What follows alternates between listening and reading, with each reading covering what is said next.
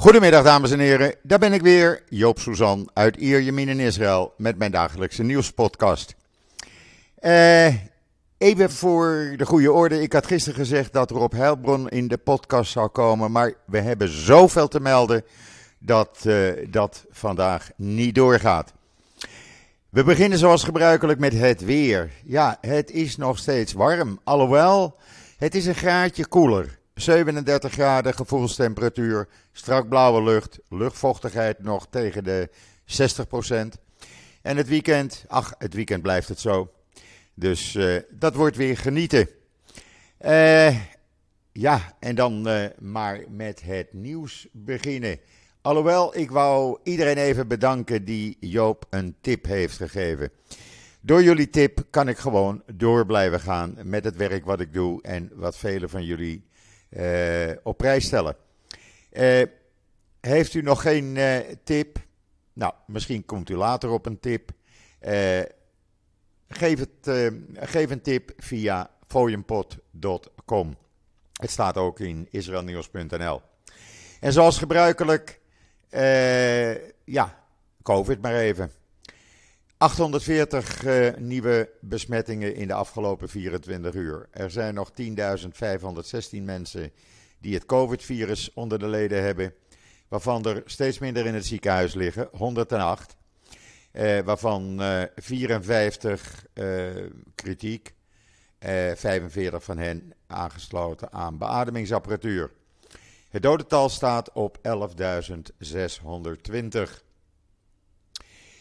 En dan uh, begin ik eerst even met de titanenstrijd die Ankie Spitzer en Ilana Romanov met de hulp van het advocaten-echtpaar Knoops heeft gestreden. Uh, advocaten Knoops kwamen de afgelopen vier jaar in actie. Daarvoor 50 jaar lang hebben deze twee kantjes van vrouwen uh, uiteindelijk resultaat geboekt, gevochten en niet gezegd van oké, we stoppen ermee. En hebben ze gisteren de overeenkomst getekend namens alle familieleden met de Duitse overheid, de Duitse regering, waarbij uh, elke familie 1,2 miljoen euro schadevergoeding, compensatie krijgt. Uh, elke familie die, waarvan een sporter is vermoord in uh, tijdens de Olympische Spelen van München 1972. Uh, eindelijk, eindelijk is dat dan gelukt. En iedereen is ook blij ermee. Uh, dat blijkt bijvoorbeeld ja, uit de verklaring van de presidenten van Israël en Duitsland, Herzog en Steinmeier. Die uh, hebben gezegd, uh, ja, met deze overeenkomst erkent de Duitse staat zijn verantwoordelijkheid. En erkent de Duitse staat het verschrikkelijke lijden van de vermoorde sporters, uh, van de familieleden van de vermoorde sporters. ja, het is, het is een strijd geweest. En dat schrijft Esther Voet ook eigenlijk. je kan zeggen 50 jaar van beschimping van leugens, vernederingen, ontkenningen door de Duitse regering, de Beierse autoriteiten in het bijzonder. Het was genoeg, zei Ankie Spitzer. Uh, ja, ik kan nog veel meer zeggen hierover, maar ja, eigenlijk heeft Esther uh, in haar uh, hoofdartikel vandaag in het NIW, ga naar de website van het NIW, daar kan je hem lezen. Esther zegt eigenlijk genoeg. Uh, Anke Spitzer, Ilana Romanov en de advocaten Carrie en Geert-Jan Knoops hebben gezamenlijk dat wat onmogelijk leek bewerkstelligd.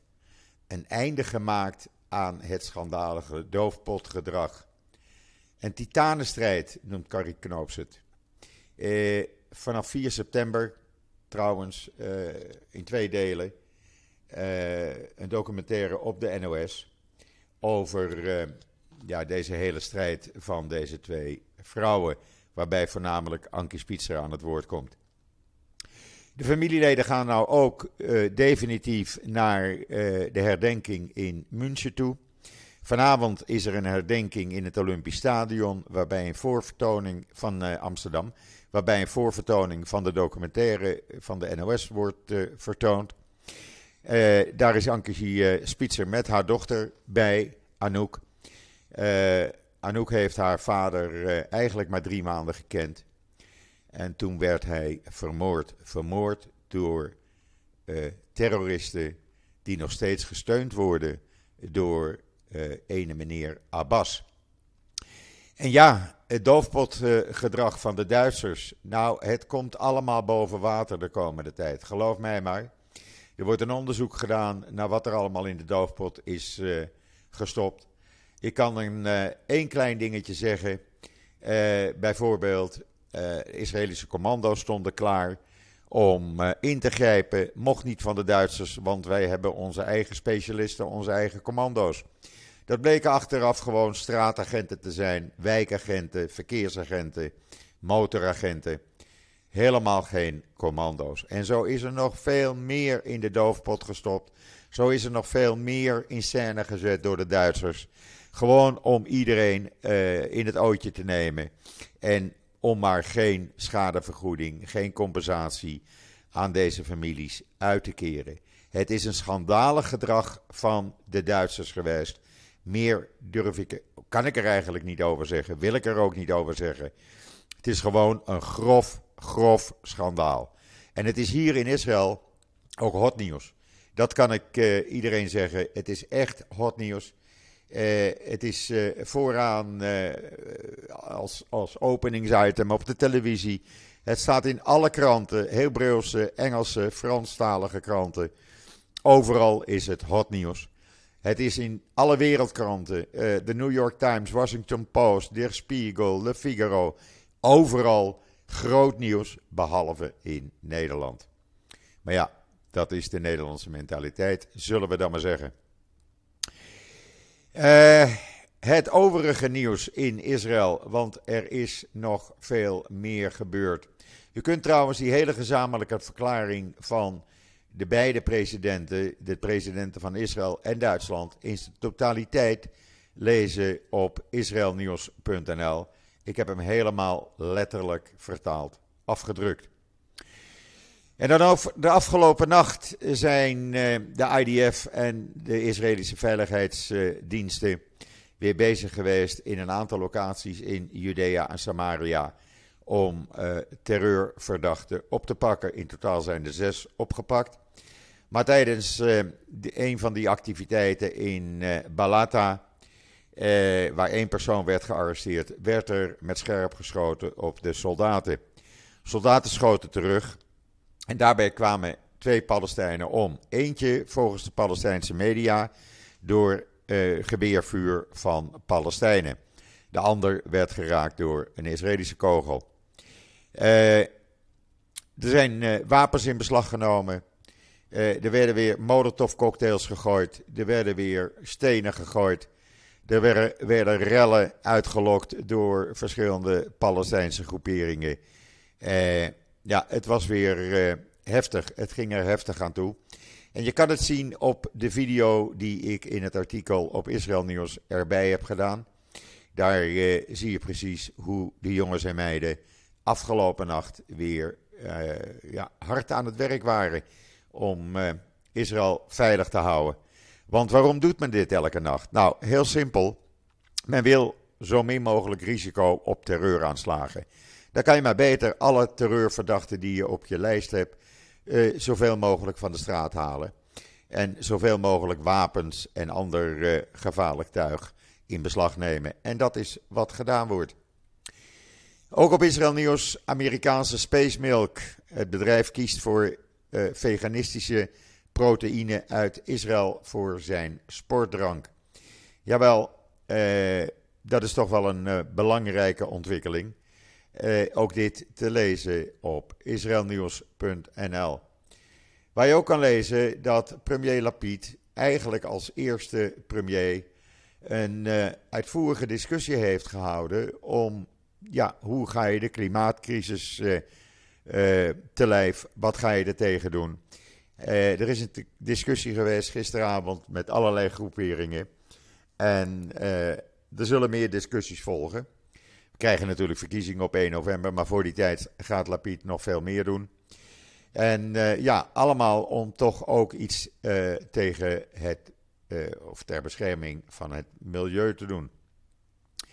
En dan is er in de zuidelijke kustvlakte van Israël een half miljoen jaar oude olifantslagtand ontdekt. Jawel, in zijn geheel. Je houdt het niet voor mogelijk uit de prehistorie. Uh, het werd ontdekt door de Israel Antique Authority samen met onderzoekers van de uh, Universiteit van Tel Aviv en Ben Gurion Universiteit.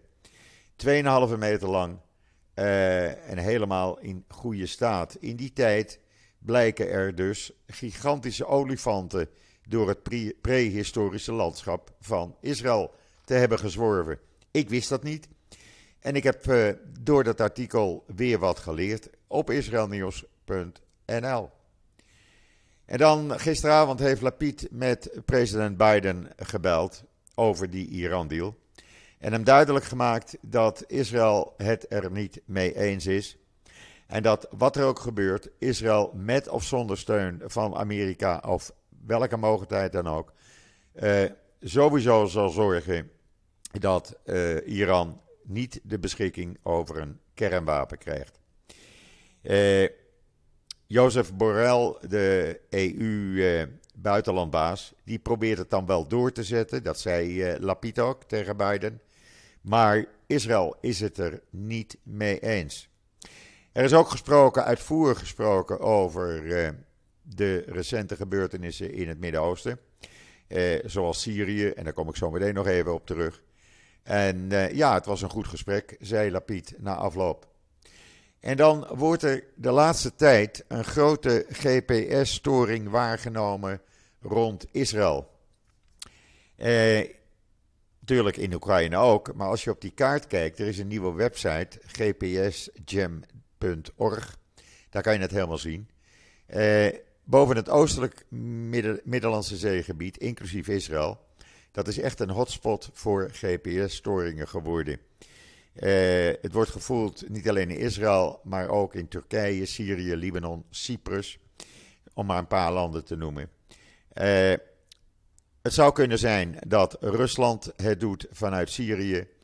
Het is mogelijk dat uh, Iran of Hezbollah het doet.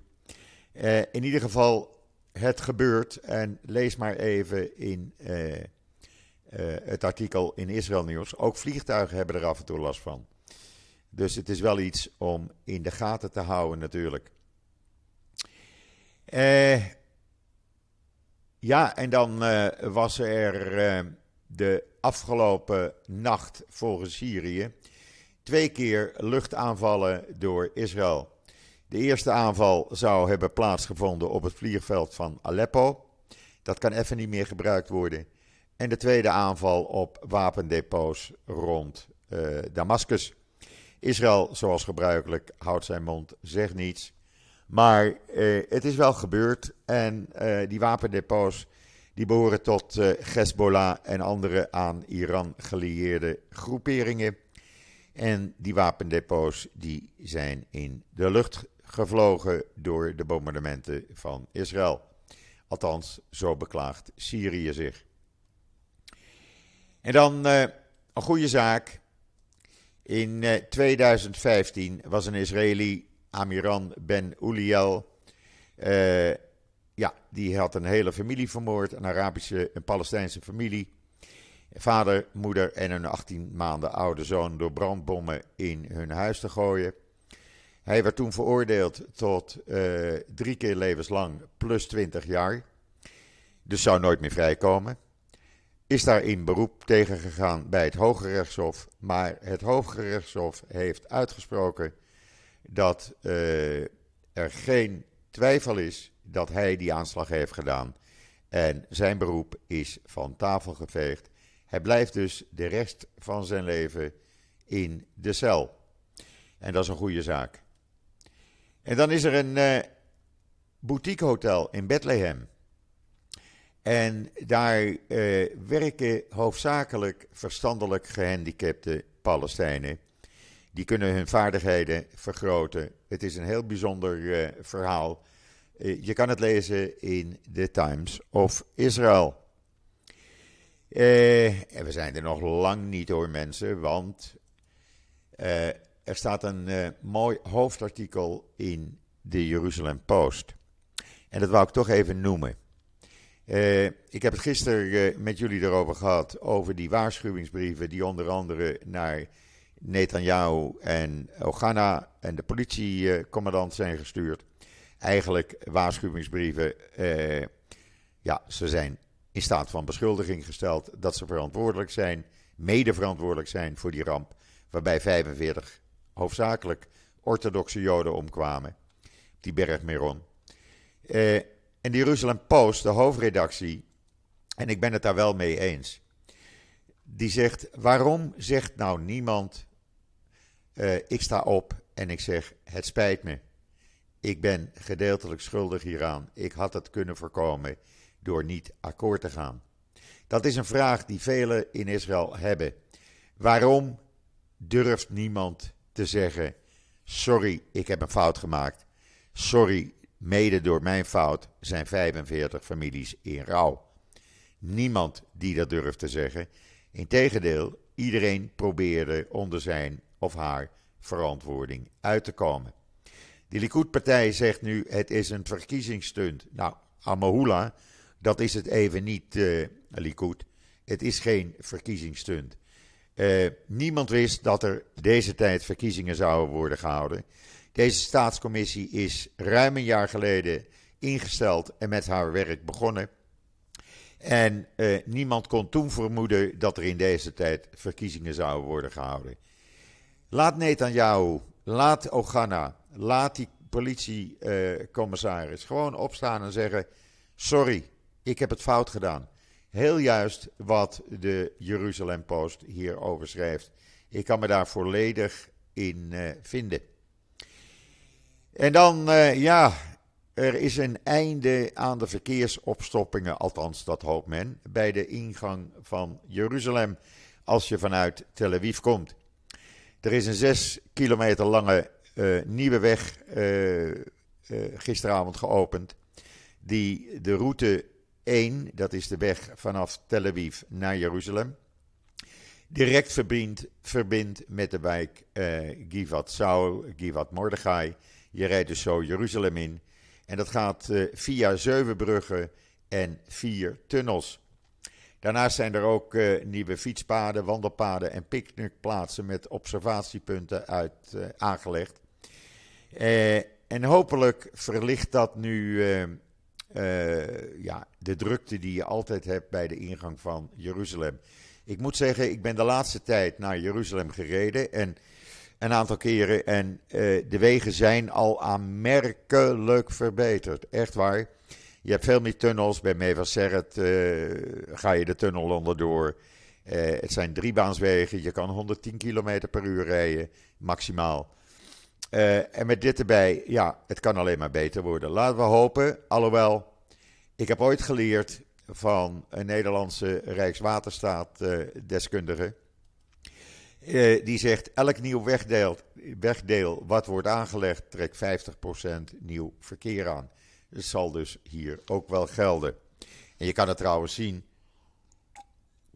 Even een slokje water. Ze zijn nu bij mij in de buurt de kustweg aan het verbreden. Maar ja, het is chaos al over. En dan in uh, de Engelstalige Wynet een opiniestuk wat ik iedereen aanraad om, het hoofd, om even te lezen. Want Ephraim Snee, een, uh, ja, een deskundige mag ik wel zeggen, uh, die zegt met een overeenkomst of zonder overeenkomst, Israël staat er alleen voor om Iran aan te pakken en te zorgen dat ze geen kernwapens krijgen. Uh, ja, ik ben het daar helemaal mee eens. Het is, hij, hij verwoordt eigenlijk de realiteit, Ephraim Snee. Hij uh, was uh, vice-minister van Defensie vroeger. Hij was brigadegeneraal, is hij nog steeds bij de reserve. En hij is voorzitter van het Strategisch, Strategisch Dialoogcentrum in Natanja. En hij heeft volkomen gelijk. Israël Het kan niet op Europa rekenen, helemaal niet. En het kan ook niet op Amerika rekenen. Als Israël iets wil doen, moeten ze het alleen doen. En daar zijn ze voor aan het oefenen. Er wordt druk geoefend door de luchtmacht om uh, in de lucht bij te tanken. Uh, en dat soort zaken. Dus men is daarmee bezig. En dan een, Zweed, een Zweedse rechtbank heeft bepaald dat een Joodse neuroloog, neurochirurg, die uh, werd ontslagen vorig jaar bij het Karolinska University Hospital. Dat ligt uh, vlakbij Stockholm. Uh, maar die is niet zomaar ontslagen. Dat is ons, hij is ontslagen volgens de rechter vanwege antisemitische redenen. En het ontslag is illegaal. Prima dat dat nu bepaald is. Trouwens, in Frankrijk, die hebben een imam gedeporteerd. omdat hij alleen maar antisemitische, haatzaaiende uitlatingen deed. Zij hebben hem gedeporteerd, maar hij bleek al weg te zijn. Hij zit waarschijnlijk in België of misschien in Nederland. Want in Nederland, ach, daar mag je gewoon naartoe. Dan zeg je gewoon, ik ben asielzoeker. Uh, in ieder geval, ja, hij zit niet meer in Frankrijk. maar Frankrijk heeft hem wel gedeporteerd. Ik vind dat een goede zaak. En dan hadden we die Palestijnse hongerstaker hier, die al zes maanden niet gegeten had en nog maar een kilo of 40 woog. Uh, het Hoge Rechtshof had gisteren bepaald van, uh, ja, meneer Khalil Awaide, uh, wij adviseren je ten zeerste om je hongerstaking te beëindigen. Want wij beëindigen niet je administratieve gevangenschap. Uiteindelijk heeft hij dat gedaan. Hij zegt dat hij een overeenkomst heeft met uh, het Israëlische leger, waarbij hij op 2 oktober wordt vrijgelaten. En hij is weer aan het eten gegaan. Dat is een goede zaak, want aan hongerstaking hebben we allemaal niks. En dan een heel bijzonder verhaal in de Times of Israel, mensen. Een meisje uit Oekraïne eh, van 18 jaar, die eh, werd in coma naar eh, Israël gevlogen en die lag al drie maanden in coma. En men dacht eigenlijk, zij heeft een overlevingskans van 1 tot 2 procent. Ze is naar Israël gevlogen. Ze is in Israël behandeld. En men heeft haar ja, uit de, het zeldzame geval van koorts en epilepsie gehaald. het was zeer moeilijk te behandelen. Maar ze is weer beter. Het is een wonder, maar ze is beter en ze is ontslagen uit het ziekenhuis. Hoe mooi is dat? Allemaal te lezen in The Times of Israel.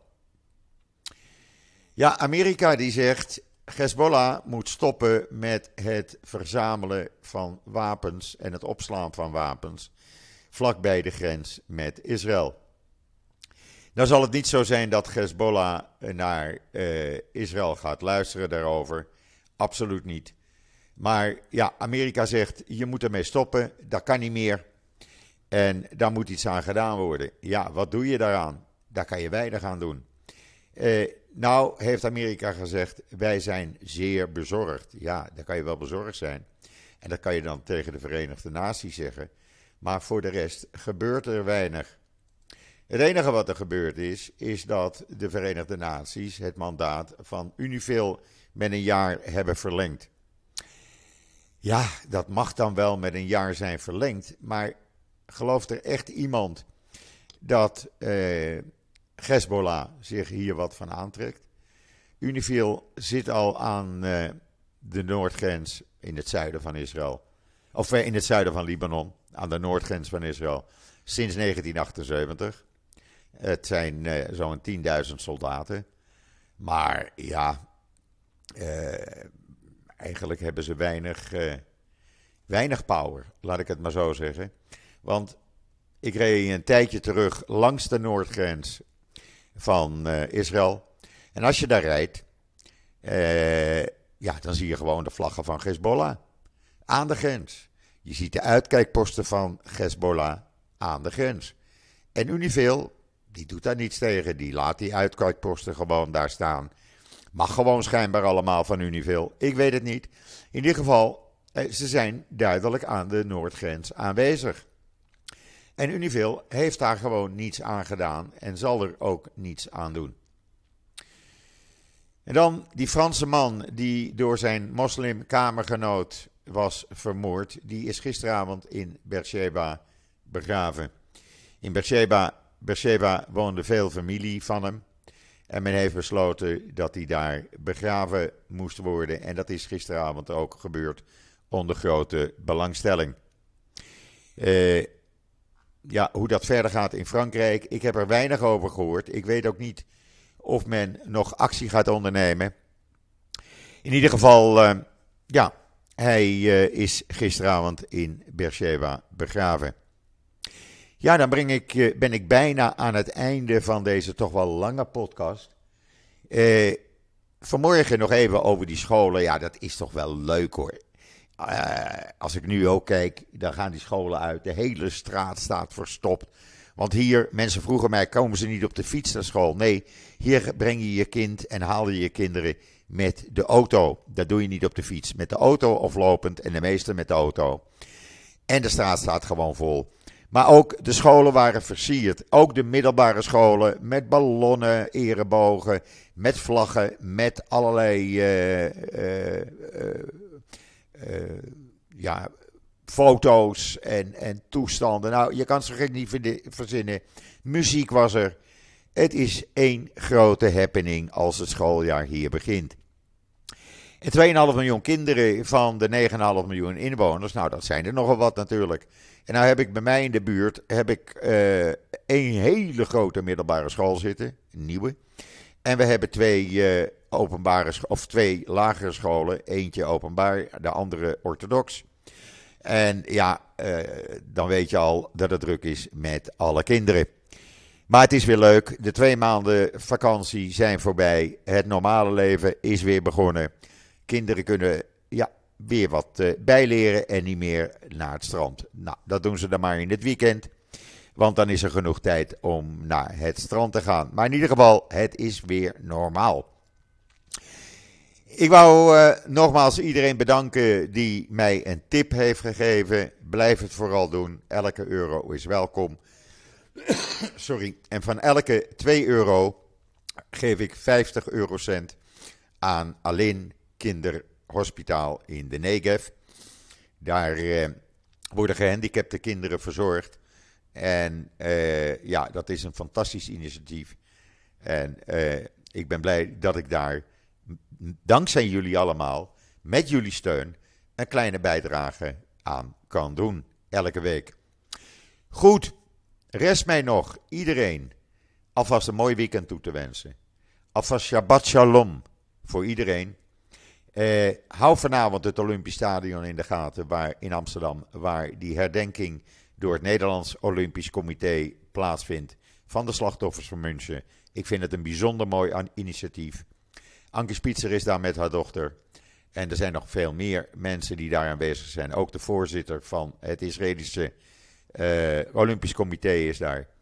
Vandaar vliegen ze naar München, waar maandag dan de herdenking plaatsvindt. Hou dat in de gaten. Ik doe het in ieder geval wel. Nogmaals, een mooi weekend. Shabbat shalom vanuit Israël. Ik ben de zondag weer. En zeg zoals altijd. Tot ziens. Tot zondag.